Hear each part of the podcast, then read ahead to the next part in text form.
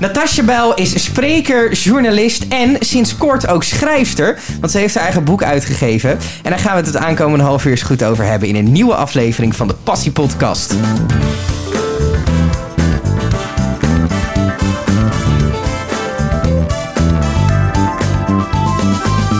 Natasja, leuk dat je er bent. Ehm, journalist, dat is een droomberoep voor heel veel mensen, denk ik. Ja, dat kan, Je, ja, je keek er heel be- bedenkelijk bij. Ja, ik moest even nadenken. Is dat zo? Ja, volgens mij wel. Ik krijg ook best wel veel mailtjes en telefoontjes van jonge mensen die dan zeggen: hoe heb je dat voor elkaar gekregen? Want ik wil dat ook. Ja, die Ja. willen dat ook. Ja. En waar vinden zij jou dan, die jonge mensen? Op basis waarvan schrijven ze jou aan, denk je? Ik denk dat ze mijn naam dan zien bij een artikel in een, eh, in een magazine. Mhm. Of dat ze misschien gaan zoeken, websites. Maar, maar ik, ja, ik ga ervan uit dat, of misschien via social, Ja, maar Ja. ze komen bij je. ze komen bij mij. Ja. Wat, wat schrijf jij vooral?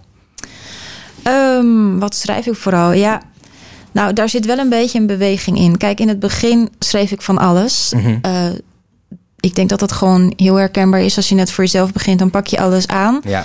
Eh, later ben ik wel selectiever geworden in wat vind ik nou heel erg leuk. En wat ik heel erg leuk vind is gewoon om mensen te interviewen. Mhm. En ik heb een liefde voor bijvoorbeeld voor schrijvers. Dat vind ik echt interessant. Mensen die een boek hebben geschreven.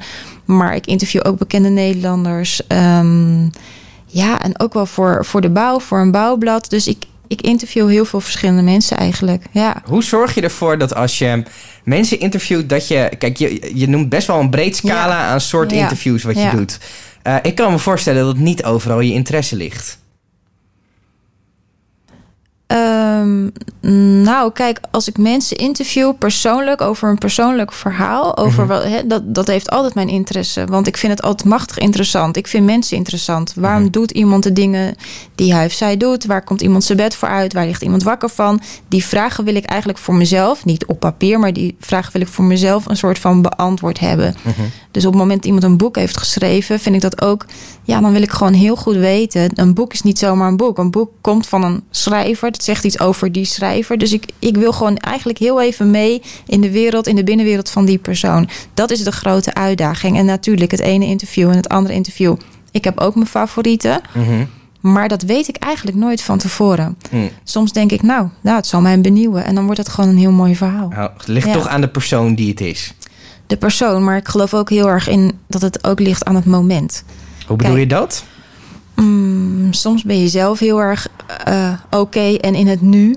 Eh, soms is die persoon, weet je, bedoel, aan het einde van de dag, iemand heeft een rotdag gehad, iemand heeft haast. Er zijn natuurlijk altijd wel een paar factoren die meespelen in hoe loopt een gesprek, hoe klikt het tussen jou en je gesprekspartner. Dus ik kan niet altijd zeggen dat het alleen maar aan de persoon ligt. Ja. Is dat niet heel frustrerend ook? Dat, kijk, er zijn mensen die, die doen heel ehm, nou ja, gestructureerd werk. En ze weten, oké, ik moet nu dit klusje gaan klaren. En 99% van de tijd gaat het helemaal prima. Mhm. En is het, is het gewoon meer van hetzelfde. Maar je hebt wel te maken met, oké, je gaat ergens in. Eh, misschien is, is, ben je met de output 60, 70% van de tijd tevreden. En die andere keren denk je van, oeh, dit liep niet helemaal lekker. Nou, ik heb op zich nog niet zo vaak meegemaakt van oei, dit liep niet lekker. Mhm. Ik heb dat één keer gehad en toen heb ik ook maar gewoon, dat was in het begin, toen ben ik heel even naar het toilet gegaan en toen dacht ik, nou kan ik twee dingen doen. Of we gaan zo door en dan wordt het een fluttig interview. Mhm. Of ik zeg gewoon, sorry, dit liep voor geen meter, we gaan opnieuw beginnen. En ja. toen heb ik voor optie 2 gekozen. Mhm. En door dat te zeggen merkte ik al, want natuurlijk diegene moest erg lachen. Die zei, nee, ik vond het inderdaad ook niet zo lekker lopen. Aha. Dat had niet per se alleen met mij te maken. Het was gewoon turbulent om ons heen. De fotograaf kwam ineens naar binnen. Eh, er liepen nog meer mensen, dus het liep daardoor ook niet helemaal. Ehm, ja, als dingen niet lopen, mag je dat gewoon aangeven. Even. En dan Ja. gaan mensen toch harder rennen misschien wel. Nadat je dat gezegd hebt. Nou, niet harder rennen, maar dan heb je in ieder geval... anders dan ben je dat allebei aan het denken van... hé, hey, dit gesprek loopt niet. En dan hangt er iets En dan tussen hangt jullie iets in. tussen. En nu voelde ik gewoon van, oh... pff. En Ja. daarna hebben we zelfs nog een borrel gedronken in het café ernaast. En was het gewoon helemaal leuk. Ja. En met sommige mensen heb je gewoon dat het ijs makkelijk breekt. En met sommige mensen wat moeilijker. Maar ik ben er altijd wel zelf bij. Ehm, ik heb nog geen interview gehad waarvan ik nou echt dacht van... Goh, goh, wat is eh, dit toch een knudde gesprek? Nee, Ja. nee. Heb jij van tevoren een storyline in je hoofd van... oké, eh, je gaat natuurlijk research doen naar Mhm. iemand. Ehm, wat ik vaak lees in artikelen is dat de, de journalist heeft al een idee... weet eigenlijk de antwoorden al en stuurt daar naartoe. Ja, ja. Ehm, op het moment dat ik echt een hele duidelijke briefing krijg van de redactie, Mhm. Ja, dan stuur je daar een beetje naartoe. Maar ik probeer dat echt zo min mogelijk. En zelfs dat, dat soms het verhaal ook wel een beetje anders wordt dan wat mijn opdrachtgever in eerste instantie had gewild. Ja? En dat doe ik gewoon omdat eigenlijk, ja, dan had ik het interview niet hoeven doen. Nee. Als ik zelf al aan het invullen ben, ik ben dan zelf ook niet heel erg in het moment, want ik ben met een vragenlijst bezig en niet met, hè, met degene die tegenover mij zit. Zelf wil ik, als ik geïnterviewd word, ook nooit de vragen van tevoren weten. Mhm. Ik hou echt van spontaan. Op het moment dat ik echt een schrijver interview over zijn boek of iemand die een film gemaakt heeft, ja, dan vind ik het wel echt belangrijk dat ik dat, werk ken en dat ik dat gelezen heb. En ik merk ook altijd, een schrijver zou jou daar ook altijd een beetje op testen. Mhm. Van heb je het boek gelezen? Nou ja, dan vragen ze dat niet, maar dan gaan ze opeens iets vertellen van eh, ja, over bladzijde 82, weet je wel. Van, Mhm. eh, ja, en dat, dus te proberen een beetje uit te lokken dat jij antwoord geeft. En ik merk ook gewoon bij schrijvers, en dat snap ik nu zelf ook heel erg goed, van je wil dat je boek gelezen wordt. Jij neemt de tijd voor een interview, dus je hoopt dat diegene ook de tijd heeft genomen om een boek uit te lezen. Ehm, dus dan doe ik wel research, maar dan ook weer gewoon puur het boek en niet helemaal een vragenlijst van. Op ik die ga, persoon. Nee, helemaal niet. Nee. Ja. Ehm, je, je schrijft, je, Mhm. het zijn geschreven, je, je interviewt iemand, dat neem je op, denk ik, audio of zo? Of nee, ik schrijf je mee. schrijft mee. Mhm. Ehm, wat je vaak. Arjen Lubach geeft bijna geen interviews meer. En zijn, zijn hoofdreden daarvoor was: eh, ik heb een interview met iemand. Dan komt er vervolgens een artikel uit. En daarvan heb ik soms het gevoel eh, dat het zijn interpretaties van. Mhm. En daar gaat soms wat ik er echt mee bedoel verloren. Dus daarom wil ik dat eigenlijk niet meer doen. Oké. Wat, hoe kijk jij daar tegenaan? Ehm, nou, kijk, op het moment dat ik steeds mijn eigen woorden aan een interview geef, Mhm. dan is het niet meer het interview. Dan is Mhm. het eigenlijk, dan is het gewoon mijn verhaal. Ja. Dus ik probeer, daar ben ik echt scherp op, om iemands woorden, iemands humor, want iemands woorden, keuze en humor zegt ook zoveel over iemand. Ja. Dat probeer ik echt intact te houden. Mhm. Dus daar ga ik niet in ene mijn eigen draai aan geven. Het kan zijn dat wij iets bespreken en dat het op papier er opeens veel harder uitziet. Ja. Als dingen zwart op wit staan, dan denken mensen soms: oei, ja, ik heb het gezegd, maar zoals ik het nu zo zie, schrik ik er toch een beetje van. De intonatie is verloren. De intonatie, kijk, als wij iets tegen elkaar nu zeggen, dan lach ik erbij, of ik knipoog, of ik trek een gek gezicht. Dan weten we allebei, dit is grappig. Maar op papier, ja, is dat een beetje lastig. Dus wat ik wel altijd doe, is dat de tekst nog één keer naar die persoon toe gaat, gaat. ja. Moet ik wel zeggen dat ik als journalist niet blij word als er dan een compleet andere tekst toegestuurd wordt. Gebeurt ook nog wel eens. Dan gaan ze heel erg halen, halen er doorheen en met, en met rode letters. Dan denk ik, ja, dan had dat interview ook niet plaats hoeven vinden. Ja. Maar je ondervangt het ook een beetje dus door af en toe even na een vraag nog even eh, een samenvatting te geven. Dus je bedoelt dat. Hè, eventjes gewoon hoe we dat vroeger ook op school hebben geleerd. Even afstemmen van ik hoor nu dit, klopt dat? Ja. Ja. Ja, anders gaat die trans- translatie een beetje verloren in als je er tekst van maakt. Ja. Is het een beetje dat mensen dat je sneller ruzie krijgt met je vriendin via WhatsApp dan over de telefoon? Is het dat idee? Ehm, ja, nou, het heeft ermee te maken dat wij dus ehm, non-verbaal hebben wij ook een communicatie. Mhm. Eh, ik zeg ook altijd, mijn interviews zijn off the record vaak nog veel leuker dan wat we op papier zien. Hè? Dat Mhm. wij bijvoorbeeld allebei op een ander terras op elkaar zitten wachten. En dat daardoor een soort, eh, nou moeten we heel erg lachen allebei. Dat zie je allemaal niet in een interview. Soms vertellen mensen net iets te veel. Dat ze een beetje schrikken van wat ze eigenlijk verteld hebben. Want dan was het waarschijnlijk gezellig. En zaten we op een terras en heeft iemand toch... Een drankje gedronken, een misschien drankje- ook zelfs ja, wel. Ja. of misschien toch een beetje van nou in een jolige bui. Ehm, soms wil daar van het management nog iemand eventjes eh, doorheen. Maar op zich, de mensen die ik heb geïnterviewd, vond ik vrij oké. Ik heb ja, op een paar mensen na die wat wijzigingen hebben gedaan. Maar voor de rest, nee, ik vind het wel meevallen. vallen. Over ja. het algemeen zijn mensen wel content met wat eruit komt. Mhm, ja, ja. Wat, eh, hoe zou je jouw stijl omschrijven? Nou, ik hou van eh, goede koppen. Mhm. Eh, wat ik net zei, ik vind het belangrijk dat je iemands woordkeuzes intact houdt. Ook iemand hu- iemands humor. Wat ik eigenlijk altijd hoop is dat er zonder dat de foto erbij staat en de naam, dat je dan toch, als je het stuk leest, van, denkt van goh ja, dat is echt die of die. Die kan Mhm. dat gezegd hebben. Ehm, ja, en ik hou wel van diepgaand. Het liefst zou ik een interview schrijven van 1800 of 2000 woorden. Nee, Ja, serieus. ja. Want dan kan je een beetje de diepte in. Mhm. Ja. Maar dat, dat- het, is, het is weinig media die zoveel ruimte geven, denk ik. ja, magazines geven vaak wel 1500 woorden. Wel iets in die trant. Ja. Ja. je moet ook rekening... Jij hebt een persoonlijkheid. Mhm. Ehm, je moet ook rekening houden met de persoonlijkheid van, van het blad of van, eh, van je opdrachtgever. Ja, de doelgroep, de lezer. De, doel- ja? de lezer, maar Ja. dus, ja, dat is, hangt natuurlijk samen met, met het tijdschrift, de website waar je voor schrijft. Mhm. Ehm, vind je dat lastig om je eigen persoonlijkheid nou, toch te levelen met het medium waar je voor schrijft? Ehm, nou, laat ik het zo zeggen. Er zijn magazines en eh, die willen het altijd heel erg uitgekoud hebben. Alsof de lezer eigenlijk een soort van... eh, nou ja, wat, zal- wat zal ik daarvan maken? Weet je wat het NOS-journaal heeft? 16 miljoen mensen moeten het kunnen begrijpen. Ja, precies. En ik heb wel gemerkt dat die eh, items niet zo bij me passen. Dus Mhm. in het begin heb ik ze gemaakt.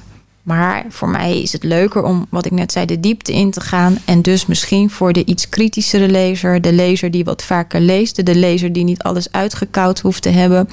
Ehm, dus ik ben meer op zoek gegaan naar magazines waar ik bij pas. Mhm. Snap je wat ik bedoel? Ja, ja, zeker. Dan dat ik, dus ik heb het wel eh, smaller gemaakt. ehm, om wat meer de diepte in te kunnen. en, ja. en wat meer toe te spitsen op een bepaalde doelgroep. ja, bijvoorbeeld psyche vind ik heel erg leuk. Mhm. Ehm, zakelijke teksten schrijven in de zin van. En dat vind ik machtig interessant. Waarom heeft iemand nou bijvoorbeeld wel veel succes en iemand niet? Ik, ik vind het ook leuk om over geld te schrijven. Eh, dus ja, ik heb, ik heb wel favorieten. En gelukkig ben ik nu in de omstandigheid dat ik ook nee kan zeggen. Dat je wat keuzes kan maken. Ik kan keuzes maken. Dat is heel fijn. Wat Ja. is een eh, tijdschrift, website, eh, televisiezender misschien... waar je nog wel eens iets voor zou willen maken? Even groot dromen. Ja, voor groot dromen. Nou, weet je, ik vertelde net eh, heel even vooraf dat ik een boek heb geschreven. En wat ik heel graag zou willen, is dat dat boek een documentaire of een film zou worden. Worden. En daar zou ik de teksten voor willen schrijven aan de hand van mijn boek. Dus waarschijnlijk is er al heel veel oké. Ja. Eh, dat lijkt me heel erg gaaf. Nog even een klein, een klein stapje voordat we het Mhm. over je boek gaan Mhm. hebben. Ehm, is, is Volkskrant Magazine een soort van het ultimate voor schrijvers? Dat idee krijg ik altijd een beetje. Mm, mm, mm, ja, ik denk eigenlijk van wel. Ja. En waar, ligt dat, waar zit hem dat dan in? Ja. Waarom de Volkskrant wel en de NRC niet? Nou, ik vind NRC ook prima. Maar ik, ik merk wel dat Volkskrant heeft altijd wel hele eerlijke items in mijn ogen. En waar ook gewoon, want kijk, weet je, journalistiek kost tijd. En wat je nu heel veel bij kranten ziet, en ik zie dat overal ook om me heen. eh, journalisten moeten binnen mum van tijd een goede tekst aanleveren. En wat Mhm. krijg je dan? Dan krijg je teksten gebaseerd op één bron. Ja. En dan moet die bron ook maar net kloppen. En daar krijg je natuurlijk ook, want kijk, media, ik, ik zeg nu van, oh, het is hartstikke leuk journalist zijn, maar je hebt ook, vind ik, een eh, verantwoordelijkheid. Want er wordt nog, er wordt van alles de wereld in geknald Mhm. over van allerlei onderwerpen. En ik vind media heeft ook wel iets gevaarlijks. Want op het moment dat ik iets schrijf, eh, nou ja, bijvoorbeeld ik ben in, eh, in Kamp Moria geweest op Lesbos. Mhm. Daar waren laatst rellen. Dan zie ik gewoon weer heel veel in de media staan waarvan ik later hoor van mensen die daar ter plekke waren van nee, maar dat klopt niet, dat is niet zo gegaan. Mhm. Dus ehm, ja, dan liever bij een krant waar, waar gewoon echt aan eerlijke journalistiek gedaan wordt, dan bijvoorbeeld, eh, nou ja, de Telegraaf of zo. Ja. ja. ja, maar die scheiding is er denk ik altijd wel geweest. Klopt, die is En- er altijd geweest. Maar ik weet wel dat journalisten eh, tegenwoordig, eh, nou ja, verdienen niet per se altijd het meeste. Zitten onder een enorm- enorme tijdsdruk, willen de primeur hebben. We weten allemaal dat koppen die negatief zijn of die sensatiebelust zijn, dat gaat lekkerder. Dus ja, het is natuurlijk ook een, een lastig iets, want je wil verkopen, maar hopelijk ook wel gewoon het eerlijke nieuws brengen. Ja, En er Ja. zit een hele lastige balans tussen. Daar zit een lastige balans tussen, dat vind ik ook, ja. Je bent eh, begonnen bij een bouwbedrijf, vertelde je net. ja, en nu doe je dit. ja. Hoe, hoe is dat gekomen? Ik werkte bij een bouwbedrijf en ik had hele leuke collega's, mannelijke collega's. Was altijd gezellig en lachen. En Er is een mannensector, of niet? ja, het is best wel een mannensector. Hou je daar goed staande tussen, denk je? Ja, vind ik heel fijn werken, ja. Hoezo? Mannen zijn gewoon recht voor zijn raap, heel eerlijk. Als er iets is, dan wordt er gewoon even zo tegen je gezegd. En Mhm. dan de volgende dag is er niks meer aan de hand. Vrouwen onthouden alles veel langer. Ja. Zijn veel meer catfight-achtig. Ja, oké. Ja. Dus mannenwereld, daar overleeft hij in principe prima in, Ik- maar... Ja, ja maar, maar wat ik heel moeilijk vond was dat mijn dagen waren gewoon om acht uur met de klok, met zo'n prikklok, prik. echt zo'n prikding? Ja, zo'n ouderwets prikding. en, eh, en dan s'avonds om vijf uur weg. En ik vond dat met name heel moeilijk in het voorjaar en in de zomer. Want dan zag ik, uh, nou ja, blauwe lucht, zonnetje. En dan dacht ik, het kan toch niet waar zijn dat ik gewoon de, het enige uitje op de dag is met mijn uh, meegenomen boterham met kaas over een parkeerterrein lopen in een soort horde. Ja. Nou, dat, dat vond ik vreselijk. En Mhm. daarbij uh, dacht ik, waar hou ik echt van? Ik hou ervan om heel veel mensen te spreken. Ik vind gesprekken hebben leuk. Ik vind mensen leuk. Ik vind dat interessant. Dus ik had bedacht van, ik word journalist. Mhm. Um, en toen ben ik dat eigenlijk gewoon gaan doen. Gewoon Mhm. artikelen gaan schrijven, gratis. Voor, voor, uh, nou ja, voor een online magazine was dat in het begin. Artikelen opgestuurd naar magazines. En zo heb ik ja, een jaar de tijd genomen. En dat heb ik niet zo van tevoren helemaal bedacht, maar zo is het wel gegaan. Mhm. Een jaar de tijd genomen om naast mijn baan dit te doen. Mhm. En toen op een gegeven moment moest ik wel kiezen. Want ja, toen zat ik zelfs onder werktijd. zat Ja, artikelen ja, te typen. ja. Toen dacht ik, ja, dit is Dit ook niet helemaal niet. fair. Nee, nee. Dus toen moest er Ja, gekozen toen moest worden. ik echt kiezen. En dat was spannend, want het was niet per se dat ik er onwijs veel geld nog mee verdiende. Mhm. Maar ik dacht, zolang ik in de comfortzone blijf van een baan, hè, Mhm. dat ik dat salaris ook elke maand heb, dan op een of andere manier is noodzaak natuurlijk wel een goede eh, brandstof. Ja. En toen heb je die stap gemaakt. Toen heb ik die stap gemaakt, ja. Als je dat meisje van toen had verteld dat ze nu een boek uit had gegeven... Wat zou dat meisje daarop gezegd hebben? Ehm, ja, weet je, over dat boek, hè, dat is wel altijd mijn allereerste wens geweest. Van zolang ik me kan herinneren. Ik denk dat ik vier, vijf jaar was. Dus de hoop op een boek was er altijd. Mhm. Eh, als ik van tevoren misschien had geweten hoeveel werk en toewijding en focus. Maar dat is altijd zo. Als je van tevoren weet hoeveel werk. Dat is maar goed dat je dat van tevoren niet weet. Anders begin je er nee, niet aan. dan zou je er niet aan beginnen. En op het moment dat je al begonnen bent en je hebt er op, weet ik wat, eh, 20.000 woorden getypt, dan stop je ook niet. Want dan denk je dat is weer zonde van Al die 20.000 Ja. woorden die ik al heb, ja, heb ja, precies. Dus van, het is goed dat je soms van tevoren niet weet hoeveel tijd, moeite, energie, Iets geld gaat iets gaat kosten. Ja. Anders had je het niet gedaan. Mm, Nee, je twijfelt ja, toch al te ik veel. twijfel toch Wat eigenlijk al genoeg zegt. Ja. Dat je eigenlijk gewoon jezelf nu een klein beetje aan het voorliegen bent. Maar goed, dat boek is er nu gekomen. Ehm, je hebt wel, je, je, je bent journalist, Mhm. schrijfster, zakelijke teksten hoor ik. Eh, en dan ga je een fictieboek schrijven. Ja. Ja, Dat was eigenlijk al de vraag. dat was de vraag. Ja. Nou, weet je, ik hou heel erg veel van mooie zinnen, van Mhm. mooie woorden. En ehm, wat ik enorm interessant vind, is hoe mensen elkaar veranderen. Dus Mhm. mijn hoofdpersonen zijn aan het begin van het boek, zijn dat andere mensen dan aan het einde van het boek. Ja. Ik denk ook dat dat zo werkt. Als, Mhm. iem- als je iemand ontmoet in je leven die zo belangrijk voor je is en andersom ook, dan verander je elkaar. Je leert van elkaar.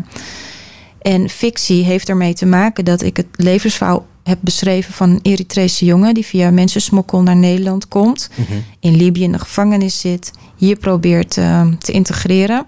En ik ben hem tegengekomen op het moment dat hij hier probeerde te integreren. Ja. En alles wat in het verleden gebeurd is, wat ik als flashbacks schrijf, Mhm. Ehm, daar was ik niet bij. Dus dat heb ik van hem. Maar Mhm. ik heb van hem hoe het was. Maar hij, ik moest natuurlijk fictie gebruiken. Want hoe ruikt het in Eritrea? Wat Mhm. is de kleur van een container in Libië?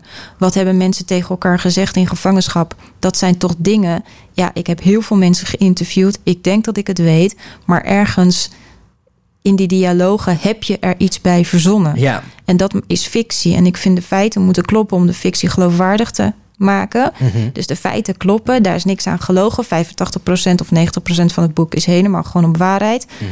Alleen, ja, ik heb niet om een mooi rond verhaal te maken, heb je fictie nodig. Ja. Ja. En toch had je ervoor kunnen kiezen, oké, ik 90% heb ik ontsloten. Mhm. Daar hou ik het bij en daar maak ik een beetje een, een documentaire-achtig boek van.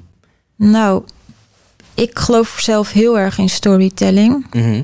Ehm, ik geloof in verhalen. En als verhalen rond zijn en je zoomt in op een hoofdpersoon, je loopt mee met een hoofdpersoon, je gaat houden van een hoofdpersoon, je gaat houden van een hoofdpersoon en dan niet ondanks de slechte eigenschappen, maar Mhm. dankzij Ja. mindere eigenschappen.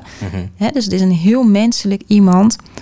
Dan blijft zo'n verhaal bij. Mhm. bij je. Mhm. Je durft eigenlijk gewoon de eerste week geen ander boek op te pakken, want je bent nog met die persoon Bezig. bent bezig. En ik hoop dat mensen, als ze mijn boek gelezen hebben, het zijn twee hoofdpersonen. Ik heb mezelf er ook ingeschreven, maar met een andere naam.